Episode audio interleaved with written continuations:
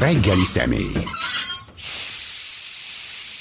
Vigócki Máté György, Oroszország kutató a Pécsi Egyetem geopolitikai doktori programjának hallgatója. Jó reggelt kívánok! Jó reggelt kívánok!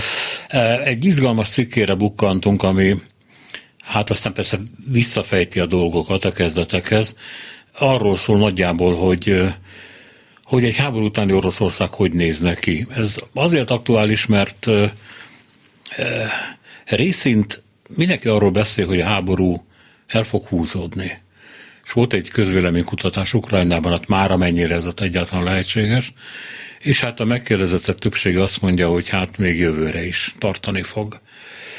Ezzel együtt viszont elkezdtek a spekulációk arról, hogy milyen állapotban lesz majd Oroszország egy, vagy egy békekötés, vagy egy valamilyen szintű ukrán győzelem, ugye teljes győzelemről már nem beszél senki után, és hát ön ebből indul ki, és azt mondja, hogy gyakorlatilag két szélső pontja van azoknak a véleményeknek, amelyek megpróbálják fölmérni, hogy milyen Oroszország jön ki ebből az egészből. Mi a két szélső pont? Igen, én hát abból indultam ki, hogy a, lehet, hogy ez a közösségi médiának, meg a mai újságírásnak az egyik ilyen átka, hogy a kétszélséges nézőpont a leglátványabb. Igen, igen erről nem, nem tehetünk, ezek a leglátványosabbak. Az egyik azt mondja, hogy uh, Ukrajna fog győzni, sőt, Ukrajna akár vissza is foglalhatja azokat a területeket, amelyeket az oroszok elfoglaltak február 24-e óta, és hogy ebbe a háborúba Oroszország annyira bele fog rokkanni, hogy szemünk láttára fog összeomlani, meg fogja dönteni Putyint, és a többi. Másik vélemény pedig azt, mondta, azt mondja, hogy itt egyetemi orosz győzelem lesz nem csak katonai fronton, hanem, hanem Oroszország egyfajta megerősödött pozícióból fog ki kecmeregni ebből a háborúból.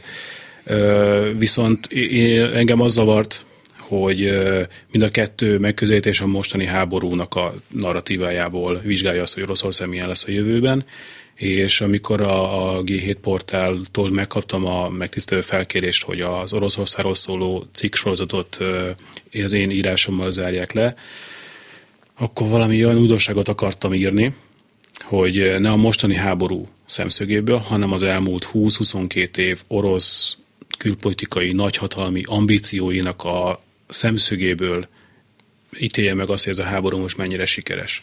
És én úgy gondolom, hogy a katonai győzelem az, hogyha a matek oldalról indulunk ki, akkor az Oroszországé. Főleg, hogyha megint nem, nem fogják a kitűzött célokat megváltoztatni, ahogy azon párszor egyébként előfordult a háború, illetve az invázió kezdete óta.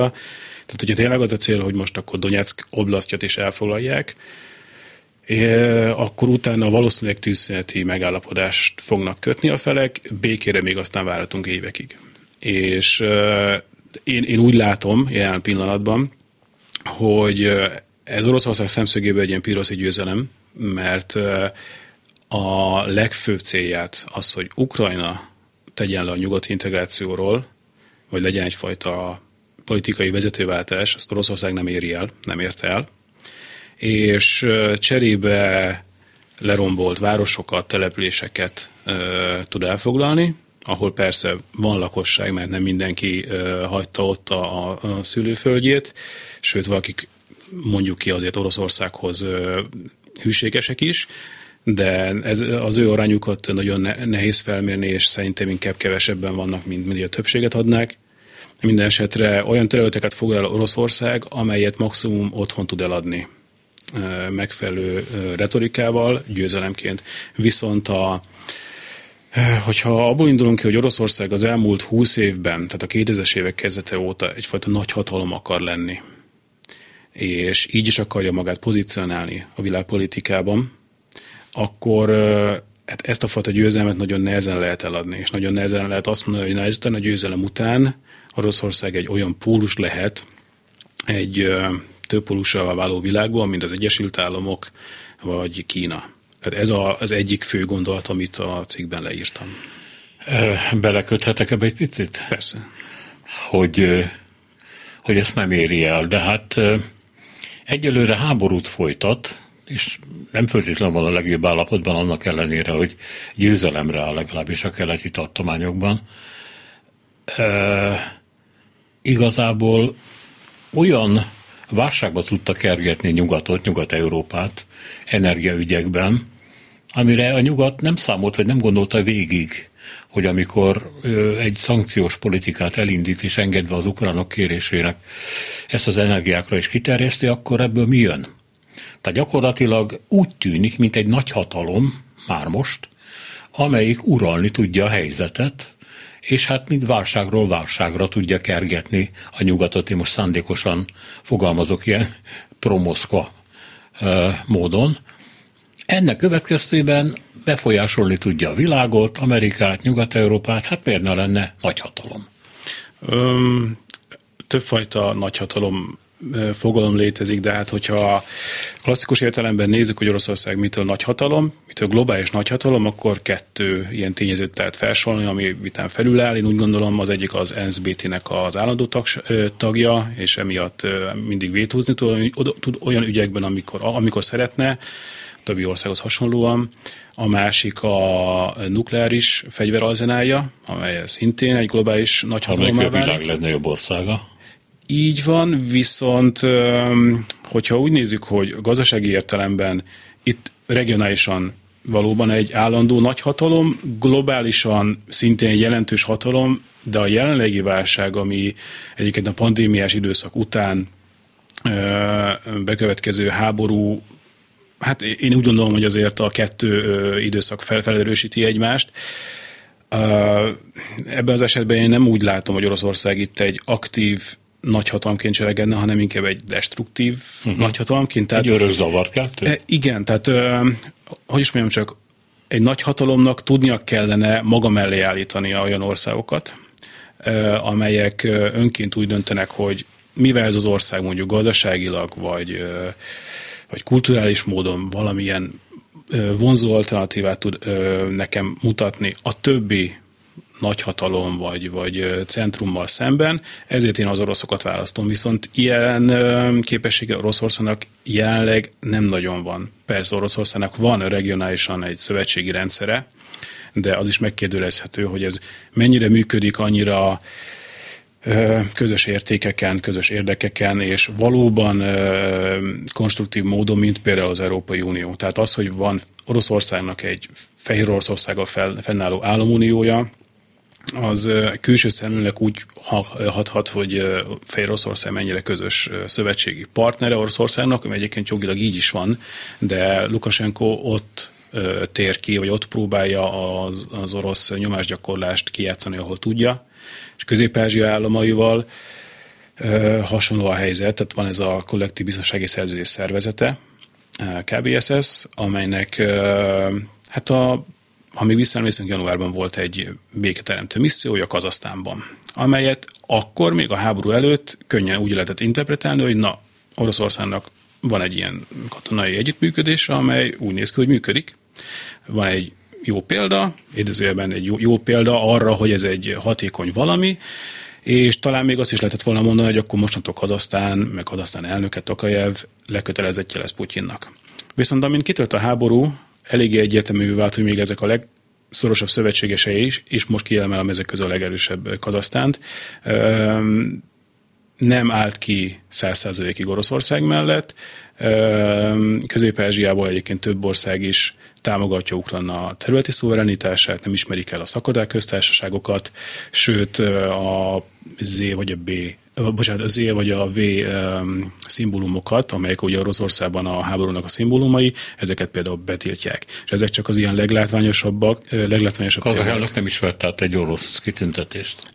Így van, ezt egyébként a Szentpétervári Gazdasági Fórumon utasította vissza, ahol egyébként nagyon határozott kijelentéseket tett, hogy köszönjük szépen, ő, ő nem fogja elismerni, a szakadék köztársaságokat, mert hogyha így tennénk, akkor nem is tudom, hogy fogalmazott 5-600 ország lenne a világon, és nem jó, hogyha világ elfelé halad. Ebben egyébként egy kicsi félelem benne van, hogy Kazasztánon belül is északon van egy elég masszív orosz tömb, és vannak félelmek, hogy ez az orosz kisebbség is hát vagy ki szeretnének válni, vagy Oroszország akár ilyen olyan nyomásgyakorlás alá helyezték Kazasztán. Mit tesz Isten lesz egy népszavazás? Hát talán igen, bár Tehát én nem, nem hiszem, hogy uh, milyen Ctrl-C, Ctrl-V módszerrel meg lehetne feleltetni a kazasztáni szituációt az ukrajnai szituációnak, uh, de minden esetre ezek a félelmek Kazasztánban élnek, és természetesen Oroszország szemszögéből is ez egy ilyen, ez egy ilyen fájó pont. Na most, ha nem, nem az egyik végponton, és nem a másikon helyezkedik el Oroszország, akkor hogy lehet kiszámítani, hogy ez a legnehezebb, ugye? A bot két vége között nagyon nagy távolságok vannak, hogy mégis akkor hol lesz Oroszország.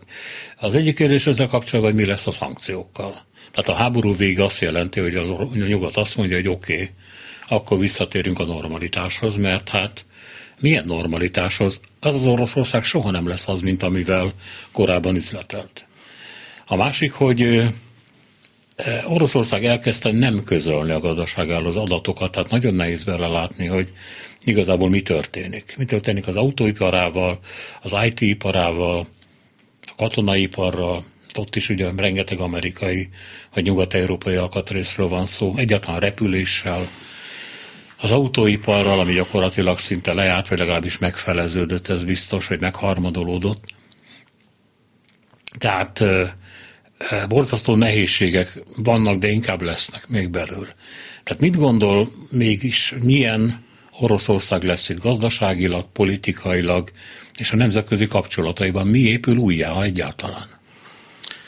Hú, ez most uh, nagyon sok uh, alkérdés, próbálok mindegyikre választ adni.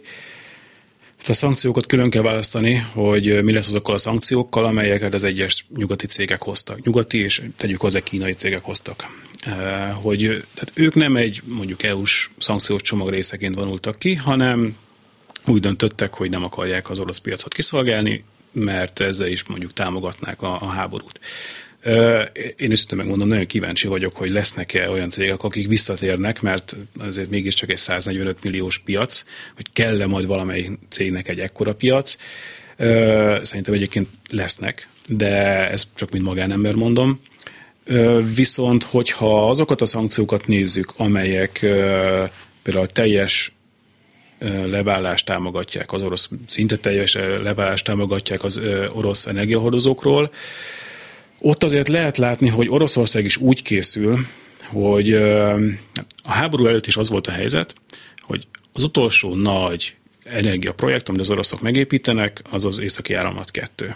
Tehát az oroszok úgy álltak hozzá, hogy a következő 30 évben tényleg meg fog egyébként ugyanaz a leválás az orosz energiahordozókról valósulni az Európai Unió részéről, mint ami most mondjuk két év alatt, vagy nem is tudom, hogy milyen határidőket szabtak meg és a Oroszország korábban úgy számított, hogy akkor lesz egy 30 éve, ami még meg tudom csapolni az EU-s forrásokat.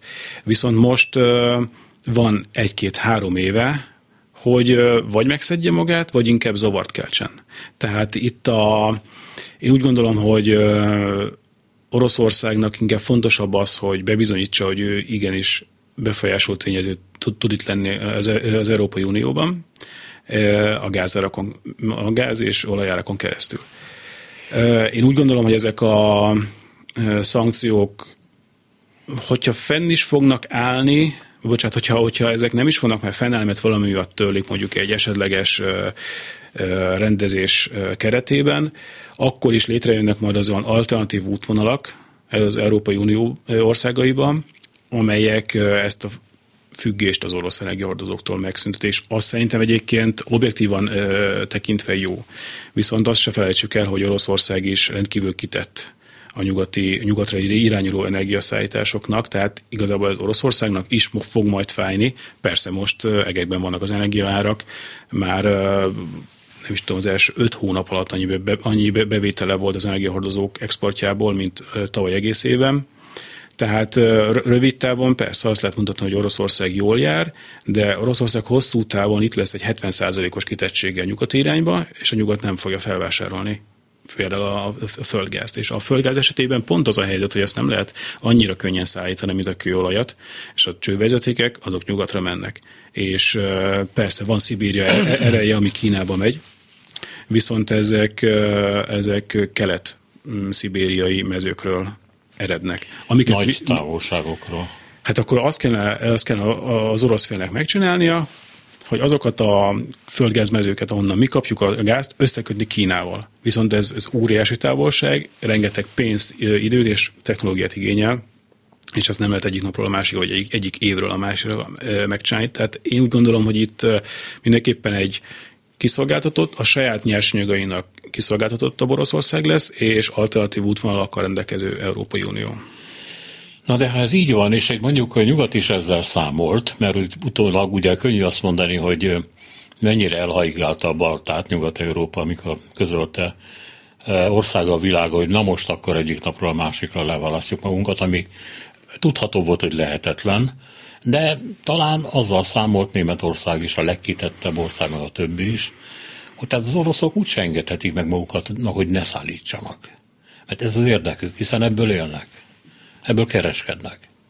És Oroszország megcsinált, egy szépen elkezdte levágni Bulgáriát, Lengyelországot, amelyek mondjuk már korábban jelezte, Litvániát, bár litvánok is korábban jelezték, Németországot, ugye ma van a napja, amikor állítólag leállnak a szállítások, mintha ez Oroszországnak nem lenne életbevágó érdeke, miközben ön arról beszél, hogy de igen az. Ö, hosszú távon mindenképpen most az, hogy fel tudja, venni a, fel tudja Oroszország venni például annyira az energiárakat, hogy majd, amikor jön a tél, és tényleg sokkal kritikusabb lesz ez a kérdés, akkor mondjuk jobb alkupozícióban legyen, tehát én ezt nem, ezt nem vitatom. Viszont hosszú távon, hogyha az európai országoknak sikerülne alternatív útvonalakat kiépíteni, akkor az ország hát maximum az alacsonyabb árakkal tudna egyébként versenyre kelni, de amíg én úgy gondolom, hogy amíg a jelenlegi politikai vezetés van Oroszországban, addig, addig ezeket a szankciókat nem, nem nagyon fogja a nyugat feloldani. Tehát valószínűleg itt kell egy olyan orosz politikai vezetés, amely hajlandó valamilyen politikai rendezés keretében egyébként újra, újra megnyitni a, a gázcsapokat. Tehát ön arra számít, hogy lesz egy nagy téli zsarolás? Ö, én, úgy, én úgy látom, hogy az oroszok erre, erre építenek. És azt persze nem látom, hogy de nem, nem látni bele ezekbe a szerződésekbe, hogy milyen gyakran lehet például karbantartási munkákat végezni, véletlenül benne van, és egyébként én úgy, úgy gondolom, hogy a jog betűje szerint jár Oroszország, amikor arra hivatkozik, hogy jó, akkor most csinálunk egy olyan, egy olyan karbantartást, hogy akkor most teljesen lezárjuk az, az exportot, és ezzel is felkavarjuk az egyébként is ideges gázpiacot nyugaton. De egyébként nem, nem csak ebben aktív, vagy hát destruktív fél Oroszország, mert tehát vannak közép országok is rengeteg energiahordozóval, és azoknak az országoknak például most Kazasztánnak a, a, a nyers egy energiahordozó exportját akadályozza ott, ahol tudja Oroszország. Tehát nem szeretné, hogyha főleg térségbeli alternatív útvonalak épülnének ki. Hát kettő lenne a kazak, meg az azeri, ugye? A térségben Türkmenisztánnak van a legnagyobb földgáz tartaléka, de tehát a mi, mi szempontunkból természetesen az azeri gáz, és Kazasztánból főleg kőolajat importál az Európai Unió emlékeim szerint. Uh-huh. E, gazdasági helyzet, már kezdtünk erről beszélni, hogy nehezedik ennek a megítélése belül. Mm, valahogy úgy fogalmaztak, de ez még hónapokkal ezelőtt volt, orosznak külföldi szakértők, hogy nagy dráma talán nem lesz, de a szovjet, bocsánat, Oroszország elkezd visszamenni a szovjet múltba, a kőbaltához. Tehát nagyon egyszerű, nagyon primitív autók készülnek, a repülés az leépül, először ki fogják lopni a ott állomásozó, fölszállni nem engedett nyugati repülőgépeknek a alkatrészeit, aztán meg, hogy mondjam, egymásból, egymás gépeiből szedegetik ki, mert nem lesz más. Tehát, hogy valahogy az ország működni fog, csak nagyon takarékon. Ez elfogadható vízió önnek? Én is úgy látom, hogy tehát vannak olyan kritikus technológiák, amelyekben nem azt mondom, hogy teljesen nulla az orosz képesség, csak mondjuk sokkal drágábban megy, sokkal kisebb mennyiségben tudja pótolni az alkatrészeket. Tehát a legjobb példa, amit én szeretek elmondani, hogy bezárt a Renault gyár, az orosz állam. Gyár? A Renault gyár, Renault gyár. Az orosz állam megvette, és akkor most helyette a Moszkvicsot kezdik el gyártani. Renault Moszkvics. viszont nem, nem lesz benne, nem is tudom, ABS, meg légzsák. Tehát ezek nem olyan technológiák, amikre az ember úgy gondolna, hogy ezeket nem ne tudná egy, egy nukleáris szuperhatalom le, legyártani, de hát eléggé úgy néz ki, hogy ilyen mennyiségben nem képes. És amíg nem kap olyan nyugati technológiát, vagy kínai technológiát, addig ez nem is nagyon fog megváltozni. Egyébként ez tehát nem önmagában az veszélyes, vagy nem, nem önmagában az veszélyezteti Oroszországnak a biztonságát, hogy akkor most lesz-e ABS az autóban, vagy nem tudom, több baleset lesz az utakon, vagy az embereknek rosszabb lesz az élet rosszabb autók miatt, hanem az, hogy összességében Oroszország az ilyen technológiai szankciók miatt sokkal lassabban fog tudni fejlődni, és a gazdaságát nem fél tudni modernizálni. Tehát az olyan földgázmezőket, amelyeket már nem is tudom, 30-40-50 éve fedeztek fel és aknáznak ki, ezeket egyre nehezebb gazdaságosan kitermelni, egyre nehezebb például az Artiszi régióban található tengeri olaj- és gázmezőket kiaknázni Oroszországnak a nyugati vagy kínai technológia hiányában. Tehát a gazdaság modernizációját és fejlődését akadályozza, de hogyha, hogyha úgy nézzük, akkor ez ennek, ennek a technológiai lemadásnak lehet a katonai szférára is egy vetülete. Tehát most az, hogy milyen precíziós fegyverei vannak Oroszországnak, az minden nap lejön a hírekben, viszont az, hogy ezeket milyen gyakran tudja újra gyártani, tehát az, hogy két hét alatt, úgy hatom, hogy két hét alatt gyártanak le egy, egy ilyen precíziós rakétát, azért az elég jól mutatja, hogy külső import nélkül mennyire gyenge lábokon áll az ilyen szuper, szuper fegyvereknek a gyártása.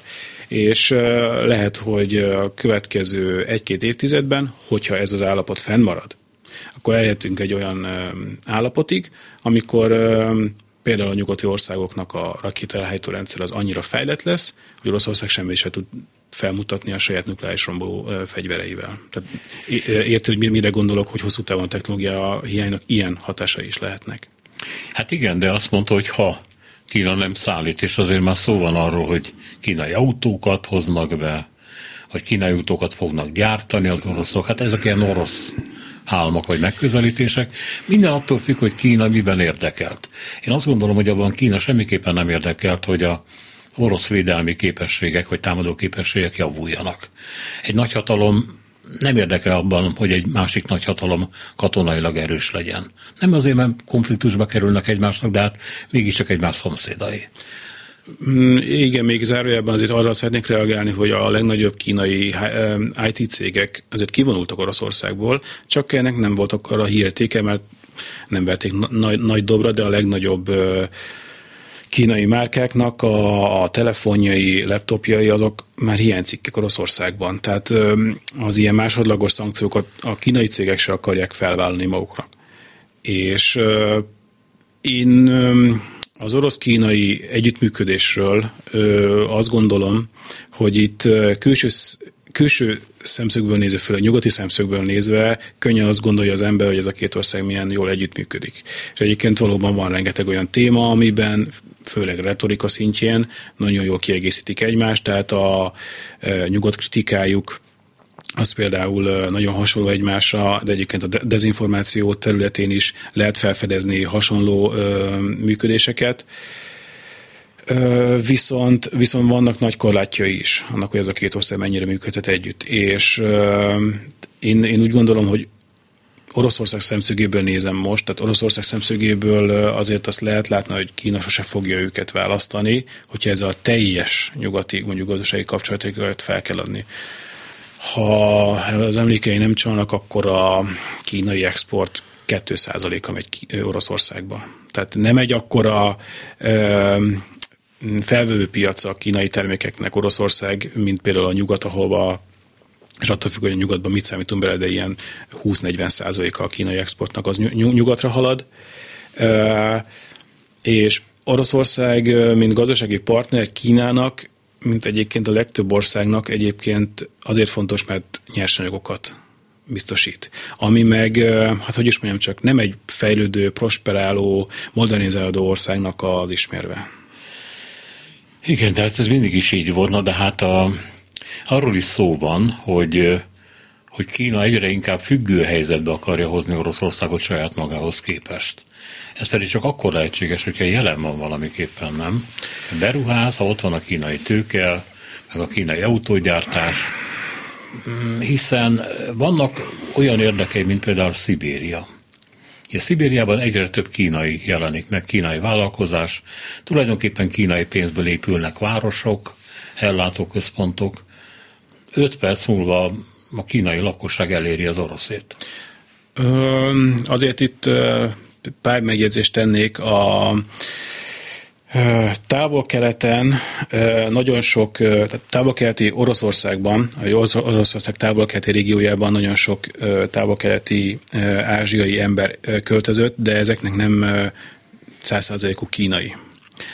Egyébként, tehát én voltam Vladivostokban, voltam a környébeli városokban, és nekem a helyiek is azt mondták, hogy tehát nehéz eldönteni, hogy ki a kínai, na bocsánat, de tehát orosz vagy európai szempontból nehéz eldönteni az ázsiaiakról, hogy most ki a kínai és ki mondjuk vietnámi, de azért sokkal többszínűbb az ázsiai bevándorlóknak a, a nemzetiségi összetétele, például rengeteg koreai is él az orosz távol-keleten, Viszont, viszont én egy pár hónapja néztem arra rá, hogy tehát hogyha egy, egy kínai igazából karriert akar magának csinálni, megélhetés magának, biztosítani akar mondjuk jövőt a, a, gyermekeinek, akkor nem feltétlenül kell neki Oroszországba utazni, hanem mondjuk a kelet-kínai tenger, tengerparton a nagyvárosokba, mert az nagyobb eséllyel fog tudni egy, egy ilyen jövőt biztosítani egy, egy átlagos kínainak, mint az, hogy most elmehet persze Vladivostokban nyithatott egy kisboltot, de ez amennyire legalábbis én látom tömegével nem vonza a kínaiakat.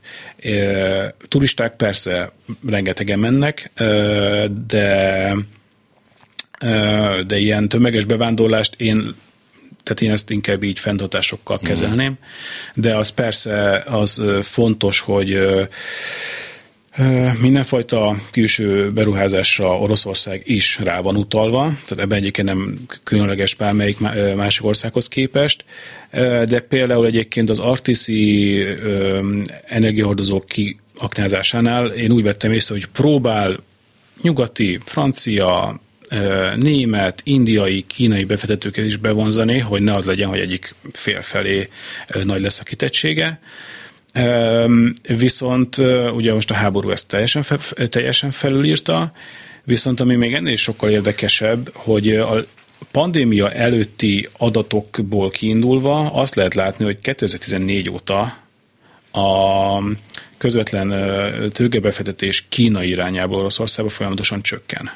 Tehát az egy dolog, hogy a két ország vezetője évente, két évet elmondják, hogy soha nem volt ennyire jó az orosz-kínai kapcsolat, meg hogy mennyire fontos stratégiai partnerei vagyunk egymásnak, de hát amennyire úgy látom, hogy Kína is inkább oda viszi a pénzét, ahol az fiatatni tudja. Az viszont, hogy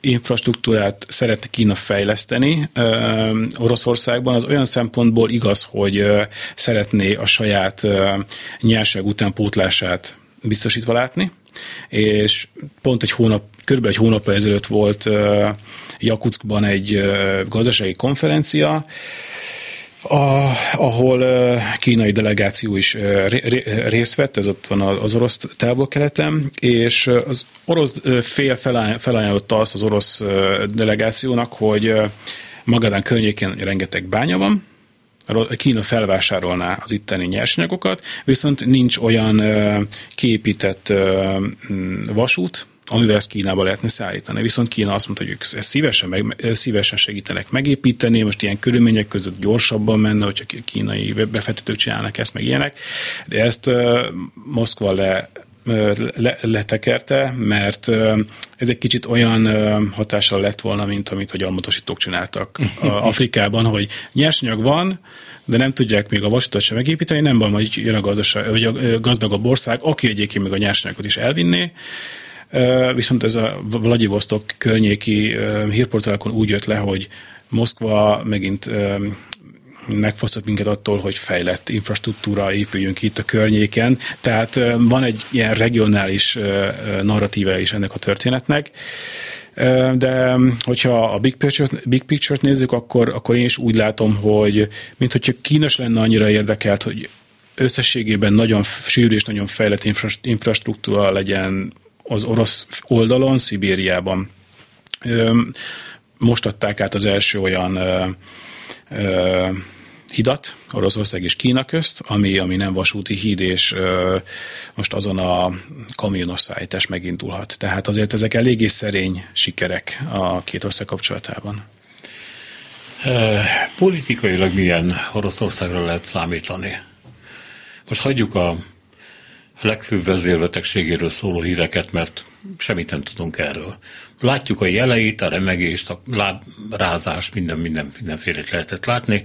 Nem meggyőző, hogy, hogy Putyin, hogy mondjam, pár hónap alatt, vagy egy-két év alatt távozik. Nem, nem úgy néz ki. Tehát egy putyini korszakra kell a továbbiakban is fölkészülni, de hát milyen lesz az? Valaki azt mondta, hogy hát azért nagyon jelentős dolgok történtek, így korábban hagyták az oroszokat szabadon kivándorolni. Rengetegen mentek át, az, az hogy Grúziába több tízezeren, vagy talán százezeren is mentek, az valami egészen elképesztő. Északra, Finnországra, Baltikumba is sokan mentek. Nagyon sokan, persze ők a gazdagok, a nőből államok, azokat nem érdemes ide számolni. És hát a többek között a tech iparágokból mentek el rengetegen oroszok, ami hát az iparág végét jelenti, hogyha ezek nincsenek otthon. De a legutóbbi hónapok szigorításai az, hogy elkezdték alkalmazni a, a háborúval kapcsolatos, ugye hírterjesztésekkel kapcsolatos börtönbüntetések kiszabását. Eddig léteztek, csak nem szabták ki, most már elkezdték hogy közölték a szoknuttal, hogy több zsidó nem távozhat Oroszországból. Ugye 30 éven keresztül ez egy nyitott történet volt. Az, hogy újságírókat a legkisebb védség miatt tartóztatnak le és visznek el. Úgyhogy nincs róluk hír. Az a re- rezsim keményetését jelenti, csak nem tudni, hogy ennek hol a vége. Jó ez neki így, ahogy van, vagy megpróbálkozik valami, hát ilyen szovjet típusú centralizmussal, azért sztálini időket nem idéznék meg. Először a kivándorlásra Jó. szeretnék egy kicsit reflektálni.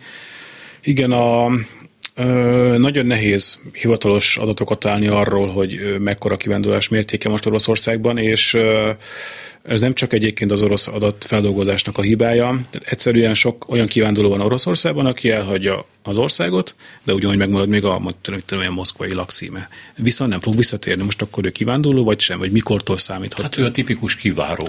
Igen, viszont orosz szociológusok úgy kezdték el kiszámolni a, a kivándorlás mértékét, hogy megnézték, hogy milyen ország, az, hogy milyen, milyen mennyiségben lépik át a határt, az viszont nyilvános. És megnézték azt, hogy a tavalyi évben, vagy átlagos évben hanyan hagyják el Oroszországot mondjuk Grúzia irányába, és megnézték, hogy most hanyan hagyták el, és ezt megcsinálták annyi országgal, amennyi országgal lehetett, és áprilisi adatot tudok, azóta nem hallottam, vagy nem olvastam friss számot, akkor én 300 ezerre tették a kivándorlóknak a számát, akik... Milyen idő, intervallumban? Február 24-től. Aha. A háború, kez, vagy az invázió kezdete óta. Akkor olyan négy hónap körülbelül? hát az, egy két, az egy két hónap. Tehát két hónap alatt 300 ezeren mentek ki, 300 ezerre többen mentek ki, és valószínűleg ők azok a kivándorlók, akik nem fognak visszajönni. Viszont még nem ért véget a háború, még nem ért véget az év sem. Hogy ezt tudjuk valamihez hasonlítani, a 90-es évek azért az egy tragikus év volt Oroszországnak, és akkor az éves, éves kivándorlás volt 200 ezer fő, ha az emlékeim nem csalnak. Az elmúlt Putyinnak a legjobb évei alatt egy ilyen egy-két, vagy bocsánat, ilyen 10-20 ezer főre csökkent a kivándorlás mértéke. A 90-as évek vége, vagy a 2000-es Nem, évek a 2000 2008, 2009, 2010, jó, ez most Medvegyennek volt a, a négy, négy éve, de számítsuk ezt az elmúlt 22 évet mondjuk Putyinhoz de azt hiszem ez az időszak volt, amikor tényleg minimális volt a kivándorlás. 2014 után egyébként Utána, ismét most történik, megugat. az elég Tehát, példátlan. elég, eléggé példátlan, viszont nem lehet tudni, hogy közülük hányan maradnak tényleg végleg külföldön. Tehát, hogyha itt véget ér a háború, nem kell attól félni például, hogy besorozzák az embereket, akkor lehet, hogy vissza fognak térni. Vagy ha nagy Isten az van, hogy valaki elment, nem talál munkát, elfogy a pénze, akkor meg muszáj lesz hazajönni. Tehát Igen. De az viszont sokat mond, hogy az orosz dumában már márciusban volt az egyik illetékes bizottságnak egy olyan vitája, ahol azt vitatták meg, hogy mit kezdjünk azzal, hogy 70-80 ezer IT szakember hagyta az országot és hogyha az orosz dumában, már, vagy az orosz duma bizottságában már van erről vita, akkor az azért sokat jelent. Hát ők találnak leginkább munkát. Igen, igen, mind, igen mindenképpen. Az ő visszatérésük. Mert mondjuk, hogy ott van 50 ezer ember Grúziában, az nem fog munkát találni ott nyilván. Tehát ezek vissza fognak térni, ők a, valóban a tipikus kivárók, de hát egy elég jelentős részük, és a legfejlettebb iparágak szakemberei maradnak majd külföldön. Igen, de egyébként, hogyha valaki mondjuk Örményországban eltölt egy pár hónapot, akkor onnantól már könnyebben jelentkezhet nyugati vízumért, amennyire én tudom, nekem most már egy ismerősöm Örményországban, és ő most erre játszik, hogy azt hiszem három hónapot, hogyha eltölt, akkor utána jelentkezni fog nyugati vízumért, és akkor azt már könnyebben megkapja, mint, mint most, hogyha Oroszországban jelentkezne. Meglátjuk, jön a másik kérdés. Belpolitika. Belpolitika, igen. Hát itt ez a millió rubeles kérdés, hogy akkor most mi lesz Oroszországgal, találgatni lehet, és tehát találgatni a történelem meg a térség többi országának a példája alapján lehet. Tehát itt én, én úgy látom, hogy itt a térségben nem egy ilyen púlás jellemző egy ilyen szituációban, hanem a rendszer keményedése. Tehát én arra számítok, hogy az a Mm, Stein érába visszahajlónak nevezett rendszer, amit most Oroszországban látunk, az, az keményedni fog a saját stabilitásának, biztonságának fenntartása érdekében. Arra én nem számítanék, hogy itt most gyorsan egy hatalomváltás véghez vihető lenne. Mondom, külső szemlélőként ezt most csak, csak ennyit lehet erről mondani. 2024-ben egyébként elnökválasztás van, és még nem tudni, hogy ha lesz utód, akkor ki lesz a Putyinnak az utódja. Azt már el kellene kezdeni lassan felépíteni. Viszont, viszont, hogyha lesz itt egy új elnök, hogyha mondjuk Putyin vagy lemond, vagy, vagy leváltja 2024-ben, akkor nagyon nagy mozgásra lesz a következő elnöknek. És hogyha a történelmi indulunk ki, akkor a hát leszámítva az 1917-es történéseket, a következő vezető a Szovjetunióban és, és Oroszországban is az mindig egy, egy olyan politikai vezető volt, aki már korábban is egyébként valamilyen magas pozíciót töltött be, és egyébként nagyon érdekes, hogy mindig nagy kritikával illette az elődjét. Tehát, Azért Putyin nem ilyen volt. Putyin Jelcin utódja, Jelcin nevezte ki, hogy akkor most rá érdemes szavazni, és Jelcin alatt egyébként Jekaterinburgban egy, bocsánat, Putyin alatt Jekaterinburgban egy nagy Jelcin központ is épült, viszont Putyin alatt nagyon fontos narratíva lett az, hogy a 90-es évek az mennyire rossz volt. És ehhez képest Putyin meg ugye egy működőképes, sőt nagyhatalmi ambíciókkal bíró országot teremtett. Tehát volt persze a Jelcin kritikának, legalábbis az én meglátásom szerint a Jelcin kritikának van egy ilyen korlátja, de mégiscsak az, hogy a Jelcin időszak amit hívjunk a 90-es éveknek, az nagyon rossz volt, az egy, az egy fontos narratívája a mai Oroszországnak. mire lesz képes a közel, közel külföldi kapcsolataiban ez a rezsim? Ugye közel-keletnek hívják, vagy közel-keleti közel vagyunk, közel külföld, igen. Külföldnek, igen. Ez a volt Szovjetuniónak gyakorlatilag a tagköztársaságai. Ez a megfogalmazás pedig arra vonatkozik, hogy hát a miénk tulajdonképpen. Külföld, de hát ilyen nagyobb közel igazából. E, nagyon kemény rezsim lehet, de kevesebb lesz a pénze, kisebb lesz a hatóereje, gyengébb lesz a hadserege, e, keves, kevesebb lesz a bizalom, a nyugati gyanakvására kapcsolatban nem oldódik, azt én azt nem gondolnám, még ha egy-két szankciót föl is oldanak. Tehát egyszerűen a rezsim vonzereje és ütőképessége, hogy mondjam, potenciális durvasága nem lesz a régi. Mire lehet számítani akkor a környezetében? Hát van egy ilyen nem kimondott uh, szerepfelosztás Közép-Ázsiában, Oroszország és Kína közt, hogy a biztonsági kérdésekben Oroszország szabadöntő, de gazdasági súlyánál fogva uh, rengeteg gazdasági uh, kérdésben pedig Kína uh, szava az, az irányadó. Én úgy gondolom, hogy azért Közép-Ázsiában, Kínával nem is tudja felvenni Oroszország a, a versenyt, viszont Oroszországnak legalábbis a háború előtt volt azért egy olyan vonzó ö, ismérve, hogy mégis itt, mégiscsak itt egy, egy, egy országban léteztek a Szovjetunió alatt, az orosz az egy közvetítő nyelv, az orosz, az orosz kultúrát az sokkal közelibbnek érzik Közép-Ázsiában, mint például a kínait, tehát van egy ilyen előnye Oroszországnak. Viszont tény, hogy a gazdasági ereje az tovább fog csökkenni, és látványos, legalábbis nekem, nekem nagyon feltűnő az, hogy Kazasztán, de főleg Üzbegisztán ilyen több vektorú, több irányú külpolitikát hangoztat. Tehát nem azt mondják, hogy mi Kínához, Kínához szeretnénk közeledni, vagy Oroszországhoz, hanem hogy szeretnénk mi eldönteni azt, hogy akkor most milyen mértékben, milyen területeken melyik országhoz közelítünk. Ez egyfajta ilyen jelzés, hogy mi, egy, mi, mi önálló, szuverén országok vagyunk, és szeretnénk ezeket a szuverenitásokat megőrizni. És hát, hogyha megnézzük azt, hogy két héttel, két héttel ezelőtt volt először külföldön Putyin a háború kezdete óta, az invázió kezdete óta, és találkozott a közép országok vezetőivel, ahol azért nem titkoltan szerette volna őket bevonni azokba a folyamatokba, hogy hogyan tudnának segíteni kijátszani a nyugati szankciókat, energiahordozók exportjában meg ilyenek, és hát így nem sikerült semmi olyan kézzelfogható dolgot felmutatnia ezeken a, ezeken a konferenciákon, ezeken a, a találkozókon, tehát mint hogyha még ezek az országok is ilyen a, az Insider nevű orosz hírportál úgy fogalmaz erről, hogy mint ilyen láthatatlan barátok lennének, vagy ilyen néma barátok. Tehát hivatalosan persze valami szövetségési rendszerben vagyunk, vagy az Eurázsiai Gazdasági Unió keretében egyébként legszorosabb gazdasági partnerek, de annyira nem, hogy segítsünk például a nyugattal szemben a szankciókat kijátszani. Tehát én, én úgy gondolom, hogy e, mindenképpen Oroszországnak a szerepe a mostani állapotok alapján gyengülni fog, Kína értelmszerűen továbbra is erős maradhat, Viszont nagy kérdés, de az viszont már nem az én területem, hogy Törökország és a türk államoknak a, a szervezete, a szövetsége az mennyire lehet egy, egy ilyen valós alternatíva az együttműködésre.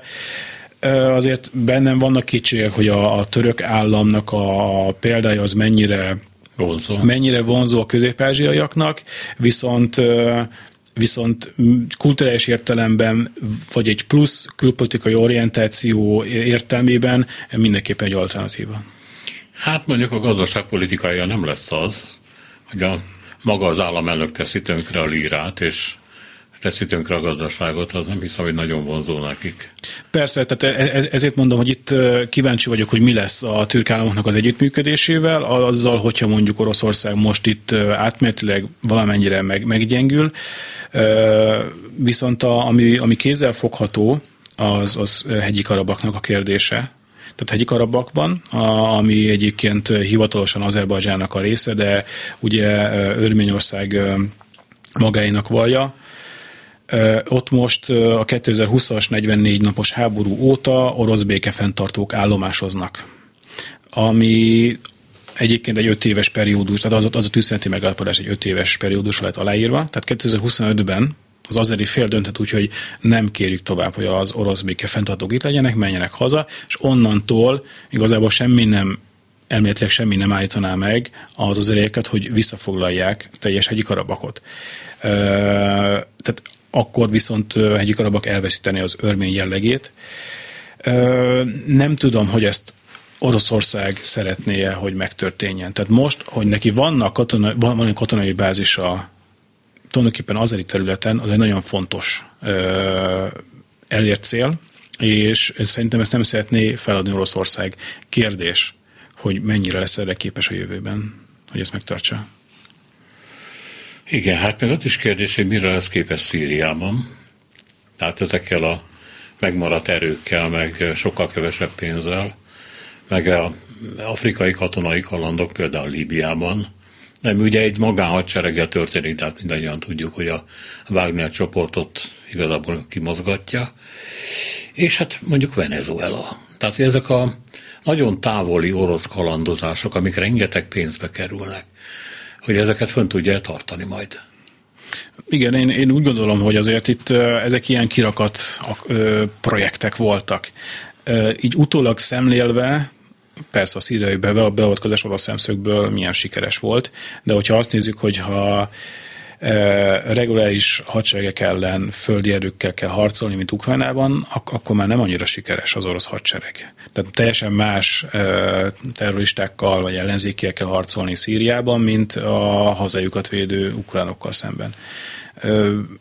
Az, hogy most Venezuelát mennyire tudta volna kisegíteni Oroszország, Hát én inkább úgy gondolom, hogy a venezuelai politikai elitet tudta valami hát módon segíteni. Az testőrségét adják az oroszok. Hát leegyszerűsítve igen, de, de nem mondjuk, mondjuk úgy, hogy nem orosz gazdasági segélyből tudott tovább élni Venezuela. Hát arra már nem futja.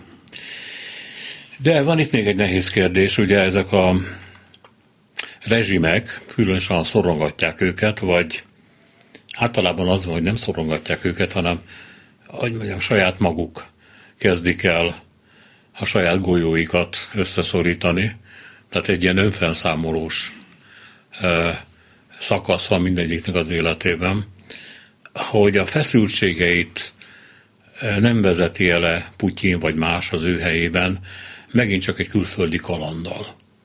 Hát nem érje meg a rendszernek a belső politikai feszültségeket megint becsatornázni valami háborúba külső háborúba. Nem. 2014-ben egyébként ez történt. Igen. Nem, nem gondolom, hogy a mostani invázió is valami ilyesmi tudható be, de tehát a mostani háború után hiába én úgy gondolom, hogy ezért a katonai győzelem az orosz oldalon áll, de olyan egyéb árat kell Oroszországnak fizetnie, hogy kétszer vagy háromszor is meg fogja gondolni az, elkövetkezendő években, hogy mennyire akar egy hasonló kalandba belekezdeni, meg, meg most milyen irányba, milyen irányba tehát Kazasztánban biztosan nem, nem fogja ugye ezt el, elpróbálni.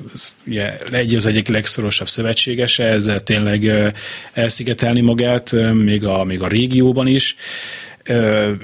És én úgy gondolom, hogy ezek a gazdasági ö, szankciók, ö, meg hogy most idén 8-9 kal Oroszországban is csökkenni fog a GDP, azért az eléggé be fogják korlátozni, hogy milyen mm, minőségű segét nyújthat olyan baráti országoknak, mint Szíria vagy Venezuela. Tehát én úgy gondolom, hogy ezek ilyen nagyon, inkább csak ilyen látvány szinten fognak megmaradni, de hát ilyen hosszú távú hatást jelenlegi pillanatban én, én nem hiszem, hogy az oroszok tudnának kifejteni. És mi lesz az eddigi belpolitikai oszlopaival, az oligarchákkal? De ő amikor először trónra került, akkor, akkor Jelcin oligarcháival találkozott, nem azért, mert Jelcin támogatták volna, hanem mert Jelcin olyan gyenge volt, hogy, hogy ezek a ezek a nagyhatalmak, ezek a belső kiskirályságok fölépülhettek, ezeket ő megregulázta már, mint Putyin, és azt mondta, hogy ezt meg ezt eltűröm, ez megy a börtönbe, hogy példát statuáljak, de senki ne gondolja komolyan, hogy a vagyona kizárólag az övé. Ez aztán most más kelet-európai országban is példára talált, hogy látszólag a tiéd, de igazából légy biztos benne, hogy ez enyém, legalábbis jó része. De ezeknek az oligarcháknak jó része elment, egy kisebb része elárulta őt, nem sokan, viszont nem lesz annyi föláldoz, föl, föl, fölosztható belső jav, mondhatnám, ami ezeket az embereket békén megtartaná Putyin oldalán. Mm, az oligarchákról nekem az a véleményem, hogy ilyen szereptévesztésben vagyunk itt nyugaton, hogy úgy gondoljuk, hogy nagy tartózlop a Putyin rendszernek, az oligarcháknak a csoportja.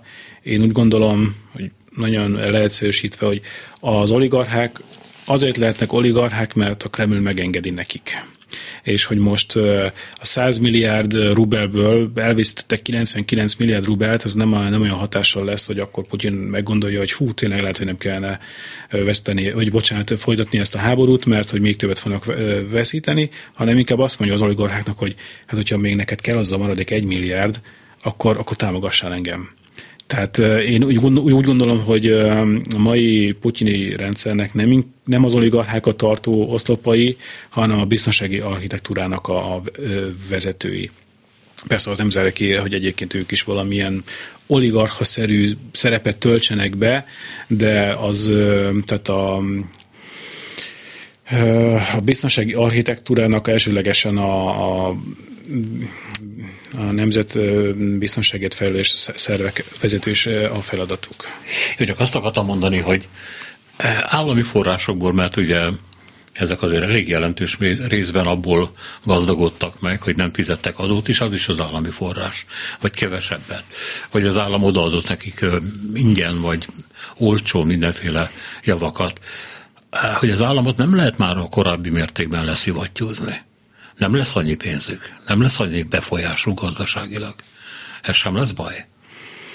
Hát, hogyha mm, még sokáig fennmarad ez a, ez a magas energiaár, ak- akkor ö, még ilyen átmeneti értelemben úgy gondolom, hogy azért fenntartható az orosz gazdasági rendszer, de tehát itt mondom a modernizáció, karbantartási munkák elmaradása, tehát ezek elég hamar vissza fognak ütni. És ö, tehát a putyini rendszer is évek óta igyekszik diversifikálni a gazdaságot, modernizálni, inkább kevesebb, mint több sikerrel.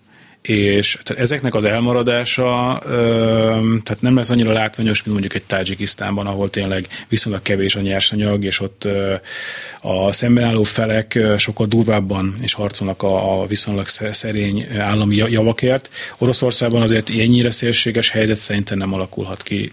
De ezt jelen pillanatban legalábbis én így látom. Megértem. Egy utolsó kérdés. Oroszország nagyon sok, általában szélsőjobboldali szervezetet, pártot finanszírozott Európában. Megengedheti ezt a továbbiakban magának? Megengedhetik-e maguknak ezek a pártok, hogy elfogadják ezeket a pénzeket, mert eddig mindig kiderültek, hogyha megkapták.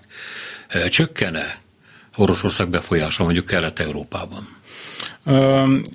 Én úgy gondolom, hogy egyre kevésbé lesz Oroszországon belül, bocsánat, az Európai Unión belül vonzó az, hogy valaki orosz párt, orosz országi, Oroszországhoz kötődő valamilyen pártnak állítsa be magát. Tehát én ilyen szempontból úgy gondolom, hogy a politikai befolyása is Oroszországnak csökkenni fog az Európai Unióban.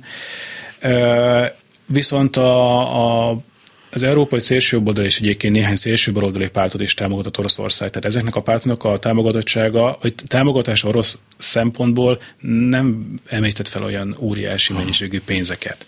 Tehát én úgy gondolom, hogy ezek még ott lehetnek a, a pakliban. Az más, hogyha egy mostani háború után valaki nagyon pro-orosz pártnak akarja magát eladni, azért annak szükebb lesznek az Európai Unióban. Köszönöm szépen, hogy itt volt nálunk. Én is köszönöm. Vigocki Máté György, Oroszország kutató, a Pécsi Egyetem geopolitikai doktori programjának hallgatója. Volt a vendégünk 9 és 10 óra között. Balogh Kármen, Csorba László, Zsidai Péter, Herskovics Eszter és Szénás és Sándor köszöni az önök négy órán keresztül tartó figyelmét. Minden jót!